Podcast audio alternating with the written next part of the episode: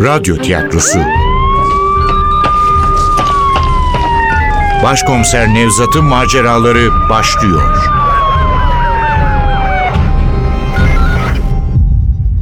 Kırlangıç Çığlığı 24. Bölüm Eser Ahmet Ümit Seslendirenler Başkomiser Nevzat Nuri Gökaşan Komiser Ali Umut Tabak. Komiser Zeynep Dilek Gürel. Janti Kemal Hakan Akın. Satılmış Gündoğdu Aziz Sarvan. Efektör Cengiz Saral. Ses Teknisini Ozan Akıncı. Yönetmen Ogün Yağcı.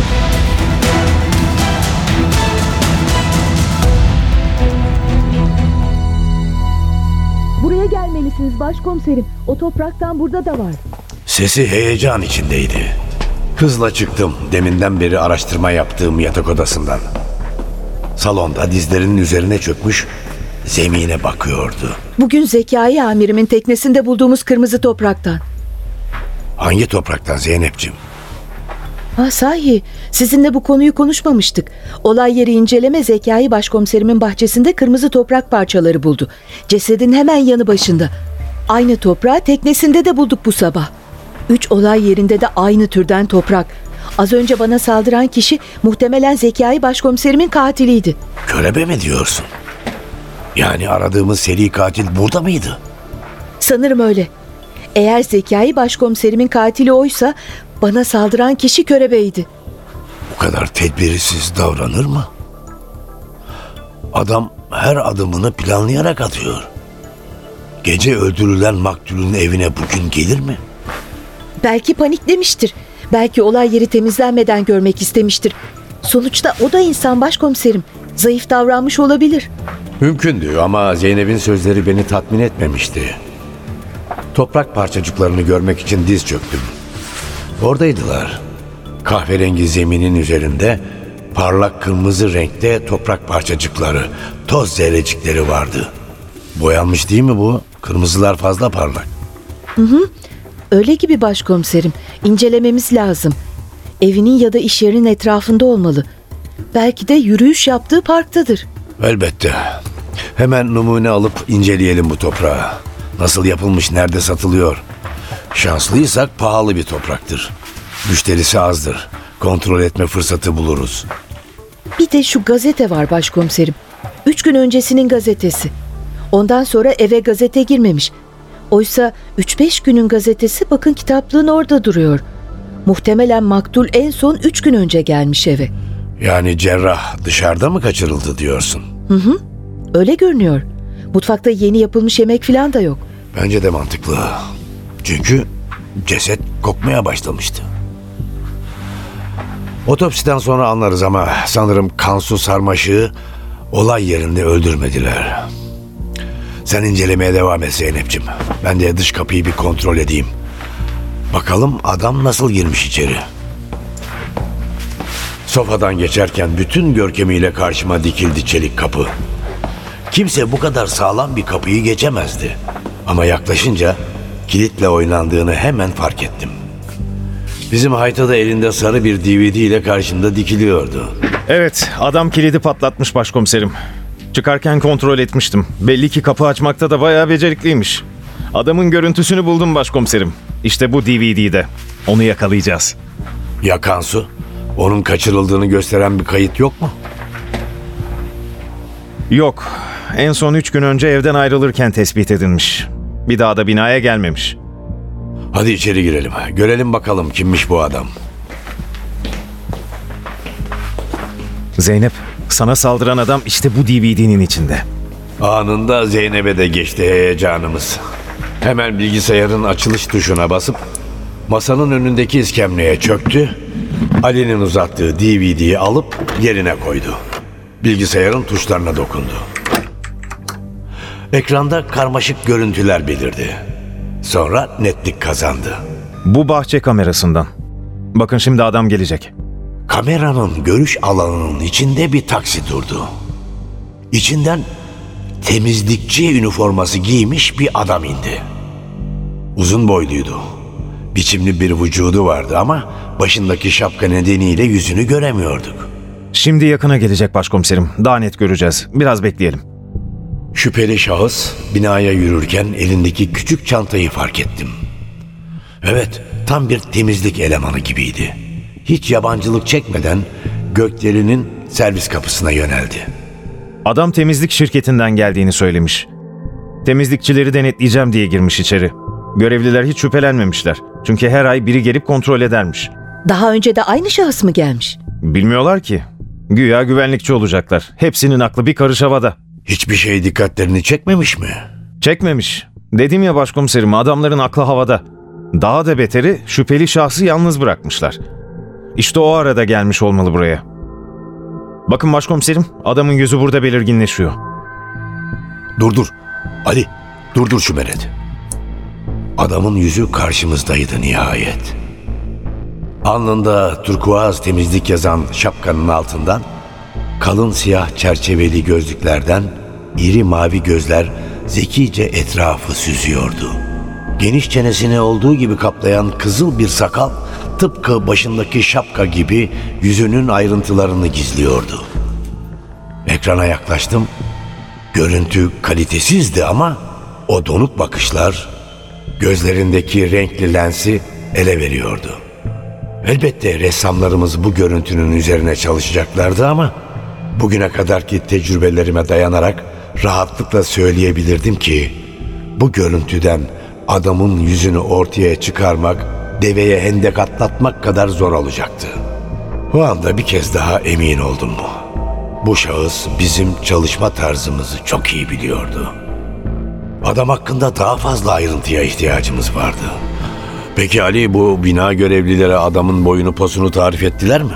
Ettiler başkomiserim. Görüntüden de anlaşılacağı gibi 1.80 boylarında atletik yapılı bir adammış. Bayağı da espriliymiş. Şakalar yapıp durmuş. Yalnız sesinde bir tuhaflık vardı dediler. Sanki ağzında lokma varmış gibi güçlükle konuşuyormuş. Ama son derece kendine güvenen bir adammış. Hiç de öyle suçlu birine benzemiyormuş. Yani çok işe yarar bir malumat veremediler. Görüntüler işe yaramaz mı? Yani buradan bir sonuç çıkmaz mı? Öteki bulgularla birleştirdiğimizde bir sonuca varırız.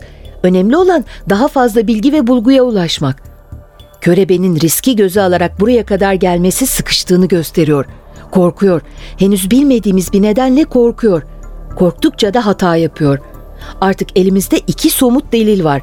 Gizlenmiş de olsa görüntüsü ve şu kırmızı toprak. Sence neden telaşa kapılmış olabilir? Körebe neden daha önce hiç yapmadığı davranışlar sergiliyor? Emin olmak çok zor başkomiserim. Elimizdeki verilerle sağlıklı bir açıklama yapamam. Ama adam buraya kadar gelmeyi göze aldıysa Sadece buraya gelmek değil. Çok daha büyük risk aldı. Zekai amirimi öldürdü. Bence asıl kırılma noktası bu. Körebe neden kendi ritüelini bozarak bir polisi öldürdü? Önce bu sorunun cevabını bulmalıyız. sorunun cevabı basit. Zekai amirim Körebe ile ilgili önemli bir bilgiye ulaşmıştı. Belki de kimliğini bile öğrenmişti. Muhtemelen öyle oldu. Alper'den aldığımız şu dosyaları incelemen lazım. Zekai'nin körebe hakkında tuttuğu dosyadan söz ediyorum. Ama öyle böyle değil. Didik didik etmelisin. Açıkça belirtmemiş olabilir Zekai. Çünkü kendisi de emin değildi. Fakat kuşkuları ya da onu körebeye götüren bilgiler o dosyanın içinde olmalı Zeynep. Kırmızı toprağın araştırılmasını ve sana saldıran adamın robot resminin çizilmesini hallettikten sonra bütün zamanını bu konuya ayırmalısın. Çok sürmez değil mi bu işler? Sürmez başkomiserim.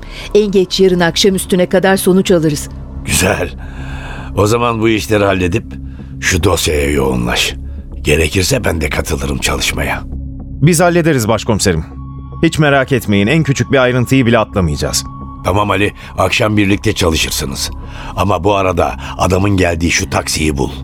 Şahsı nereden almış, arabadayken ne konuşmuşlar hepsini bir güzel öğren. Belki şoför önemli bir ayrıntı verebilir bize. Lütfen güzel haberlerle gelin çocuklar. Ben de şu kırmızı suratla konuşayım bakalım ne anlatacak. İstiklal Caddesi'ne geldiğinde hava kararmak üzereydi.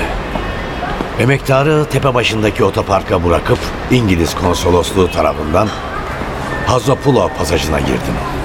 Sıcak havadan bunalan insanlar pasajın açık hava kahvehanesine dönüşen meydanında masalara yayılmış soğuk içeceklerle serinlemeye çalışıyorlardı. Aslında biraz esinti olsa bu amaçlarına kolayca ulaşmış olacaklardı. Çünkü bu iki kapılı pasajda her zaman güçlü bir kurander olurdu. Ama yaprak kımıldamadığı için müşteriler kahvehane sahiplerinin dükkanlarının önüne koydukları devasa vantilatörlerin üflediği ılık havanın verdiği yalancı ferahlamayla yetiniyorlardı. Janti Cemal nemli sıcağı aldırmadan giydiği gece mavisi takım elbisesiyle her zamanki yerine oturmuş nargilesini fokurdatıyordu. Karşısında iri yarı biri vardı. Kırmızı suratını görür görmez anladım. Bu satılmış Gündoğdu'ydu. Janti her zamanki gibi sözünü tutmuş adamı getirtmişti ayağına. Henüz beni görmemişlerdi. Kırmızı suratlı tefeci ellerini oynatarak telaşla konuşuyordu. Janti her zamanki gibi çelebiliyle sessizce dinliyor. Arada bir savurduğu dumanın üstünden adama kaçak bakışlar atıyordu. Marpucu ağzından çıkarıp birkaç cümle söyledi. Sözlerini duyamadım ama sakince ağır ağır konuştuğunu görebiliyordum. İşte o anda göz göze geldik. Seyrek dişlerini olduğu gibi açığa çıkaran bir gülümseme belirdi dudaklarında. Marpucu bırakıp doğruldu. Satılmış da onunla birlikte kalkmıştı ayağa. Hoş geldin Nevzat. Çok zaman oldu ya.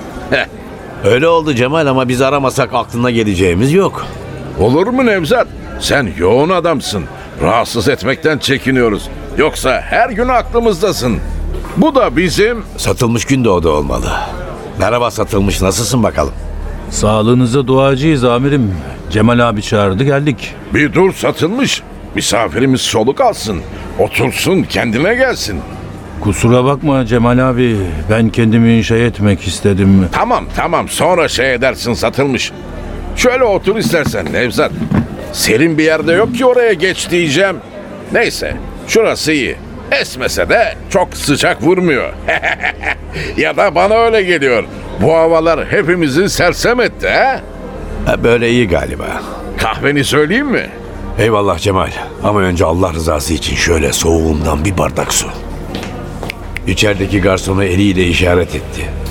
Nasıl oldu bilmiyorum ama garson anında anladı soğuk suyla kahve siparişini. Kırmızı suratlı tefeci ellerini dizlerinin üzerine koymuş dünyanın en masum adamı pozunda oturuyordu. Belki duymuşsundur satılmış. Kansu, Kansu Sarmaşık öldü. Ne? Bizim Kansu mu? Bizim cerrah öldü mü? Öldürüldü. Cesedini dün bulduk. Bir Luna Park'ta. Kim? Kim öldürmüş? Biz de onu öğrenmeye çalışıyoruz. Satılmış. Son zamanlarda nasıldı aranız? İyiydi iyiydi. Çok iyiydi. Çok severdim Kansu Bey'i. O da beni severdi.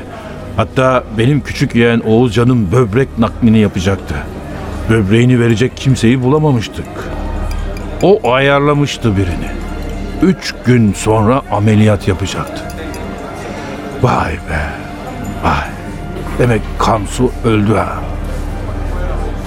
Peki o zaman bizim Oğuzcan'a kim böbrek takacak? Ona faizle para veriyor musun? Sana çok borcu varmış. Ne parası ne faizi başkomiserim. Ben o işleri bırakalı çok oluyor. Satılmış. Boş yere inkar etme. Nevzat ne iş yaptığına alakadar değil. Bir cinayeti çözmeye çalışıyor. Hakikati anlat yeter. Senin için en iyisi bu. Hadi hadi dökür bakalım. Hayat çok zor başkomiserim. Biz de böyle geçiniyoruz. Satılmış. Ben senin nasıl geçindiğinle ilgilenmiyorum. Hakikati anlat yeter. Eğer Kansu cinayetine bulaşmadıysan ben de sana bulaşmam. Ama bulaştıysan Yok yok Allah Kur'an çarpsın bulaşmadım. Niye bulaşayım? Abimin tek oğlunu ameliyat edecekti. Öldürür müyüm hiç adamı? Of uzatma satılmış. Sadede gel. Borcu var mıydı adamın sana? Vardı vardı ama ödedi. Son 3 yıldır böyle para alır benden ama sonra kuruşuna kadar öderdi. Kuruşuna kadar mı? Emin misin? Hiç borcu yok muydu sana? Yani çok az bir alacağım kalmıştı bu sefer. E, 50 bin lira kadar. Onu da yeğenimi ameliyat ederek ödeyecekti. Anladığım kadarıyla Kansu çok para almış senden. Aldı, aldı ama dediğim gibi hepsini ödedi. Sadece şu 50 Onu anladım. Toplamda ne kadar borç almıştı senden onu soruyorum. Son 3 yıldır. Vallahi herhalde 4-5 milyon almıştır. Hmm, 6-7 de olabilir. Ha işte bak çok paraymış. Ve ne yapıyordu bu kadar parayla? Ne yapacak? Bahis oynuyordu. Zenginlerin fantazisi işte. Büyük para dönüyor ortalıkta. Olabilecek olaylar üzerine bahse giriyorlar. Falan ülkede seçimi kim kazanır? Fezaya giden astronotlar sağa dönebilir mi? Milli takımın teknik direktörü kim olur? Yani aklınıza ne geliyorsa hepsi üstüne oynuyorlardı. Manyak mı bunlar ya? Manyak değil, kumarbaz, kumarbaz. Bizim cerrahta ne gezer o kadar para. Şu şu iş adamı var ya hani reklamlarda falan da çıkıyor. Kansu onun vasıtasıyla katılmış bunların arasına. Herkese almıyorlar. Güvenilir olacak. Çok parası olacak. Onların camiasından olacak. Bizim cerrah işte o adamın kızına böbrek nakli yapmış. Adam da Kansu'yu o kulübe sokmuş. Bana sorarsanız kötülük etmiş ama Kansu hiç şikayetçi değildi. Gerçi ben de şikayetçi değildim. Dünyanın parasını kazandım sayelerinde. İnşallah iddia yüzünden öldürülmemiştir. Yok yok o zenginlerin içinde kimse adam öldürmez. Niye kendilerini tehlikeye atsınlar ki? Hem Kansu çok uyumlu bir adamdı. Onca yıldır tanırım. Hiç kimseyle kavga ettiğini görmedim. Hiç kimseyle mi? Hiç kimse hakkında kötü konuşmaz mıydı? Ne bileyim şikayet falan etmez miydi? Yo yo yo etmez etmezdi. Evet etmezdi. Hiç kimse hakkında konuşmazdı. Onun tanıdığı insanları da ben tanımazdım. Bir kere bile çalıştığı hastaneye gitmedim. Oğulcan ameliyatı için bile dışarıda görüştük. Çalıştığı hastanede değil başka bir yerde muayene etti yeğenimi. Niye? Ameliyatı kendi hastanesinde yapmayacak mıydı? Ee, hayır hayır Kosova'da yapalım demişti. Evet evet Kosova'da. Oradaki hastanede daha iyiymiş. Ama ama sonra olmadı. Kansu'nun kız arkadaşı falan yok muydu? Arkadaş mı? Arkadaşları değil amirim. Bir sürü kız vardı çevresinde. Oo, acayip çapkındı Kansu. Evli barklı kadınlar, gencecik kızlar. Hepsi dört dönerdi etrafında ya. Evli kadınlardan birinin kocası olabilir mi? Yani katil diyorum. Böyle bir olaydan söz etti mi sana? Yo, bahsetmedi. Bence bu işin altında para vardır. Hep rahmetlinin borcu olduğundan dem vurduk. Ya tersi olduysa ya bir akşam çok miktarda para kazandıysa mesela bir servet. He? Olmaz Cemal abi. Onlar onlar cinayet işlemezler. Kaybettikleri paralar bizim için servet olsa da onlar için çerez parası. İşleri dara düşmüşse, onlar da iflasın eşiğine gelmişlerse, köşeye sıkışmış adamın ne yapacağı belli olmaz. Yok yok yok bu adamlar çok zengin çok zengin öyle böyle değil. O kadar para için başlarını belaya sokmazlar. Kansu bütün borcunu ödedi diyorsun. Ve nereden buldu o kadar parayı? Ne bileyim başkomiserim e, iddiada kazanmıştır belki. Önemli olan borcunu ödemesiydi. Adam da ödedi. Ne demişler? Üzümünü ye, bağını sorma. Sence kim öldürmüştür Kansu'yu? Kavga ettiği, husumeti olan birileri mutlaka vardır. Evliya değildi ya bu adam. Haşa haşa. E, değildi tabii, değildi. Ee, dur dur dur hatırladım. Ee, şöyle bir olay oldu birkaç hafta önce. Kansu bizim masaj salonuna gelmişti. Arada gelirdi. İçeri girmişti ki kapı çalındı. Açtık. Siyahlar içinde bir kadın. Daha dur demeye kalmadan kadın daldı içeri. Doğrudan bizim cerrahın karşısına.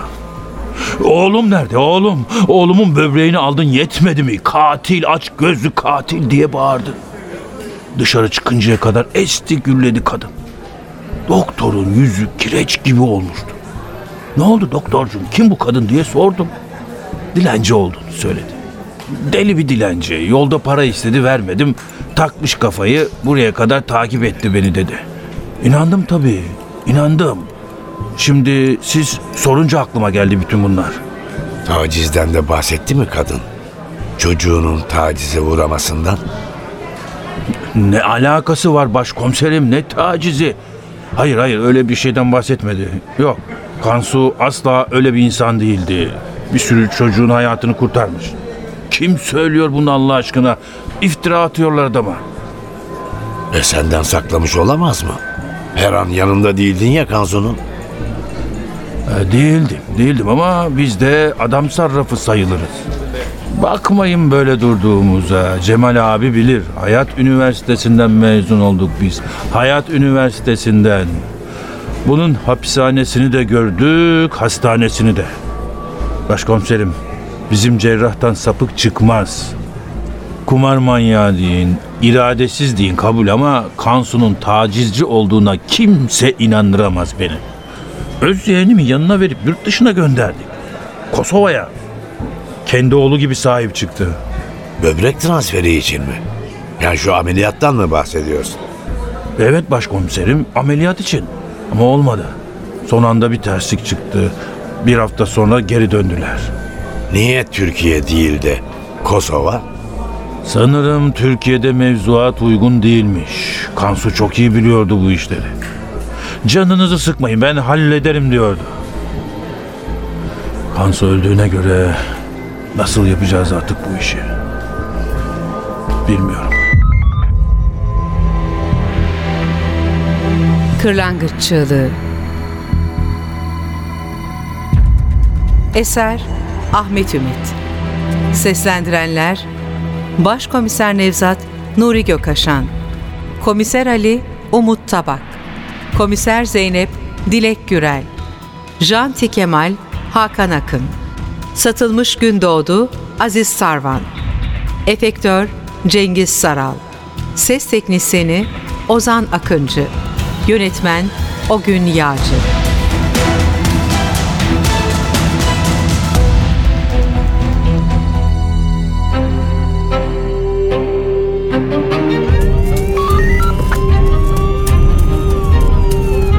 Radyo tiyatrosu. Başkomiser Nevzat'ın maceraları. Başkomiser Nevzat'ın maceraları her cumartesi 11.15'te NTV Radyo'da. Kaçıranlar ve tekrar dinlemek isteyenler içinse ntvradio.com.tr'deki podcast sayfamızda.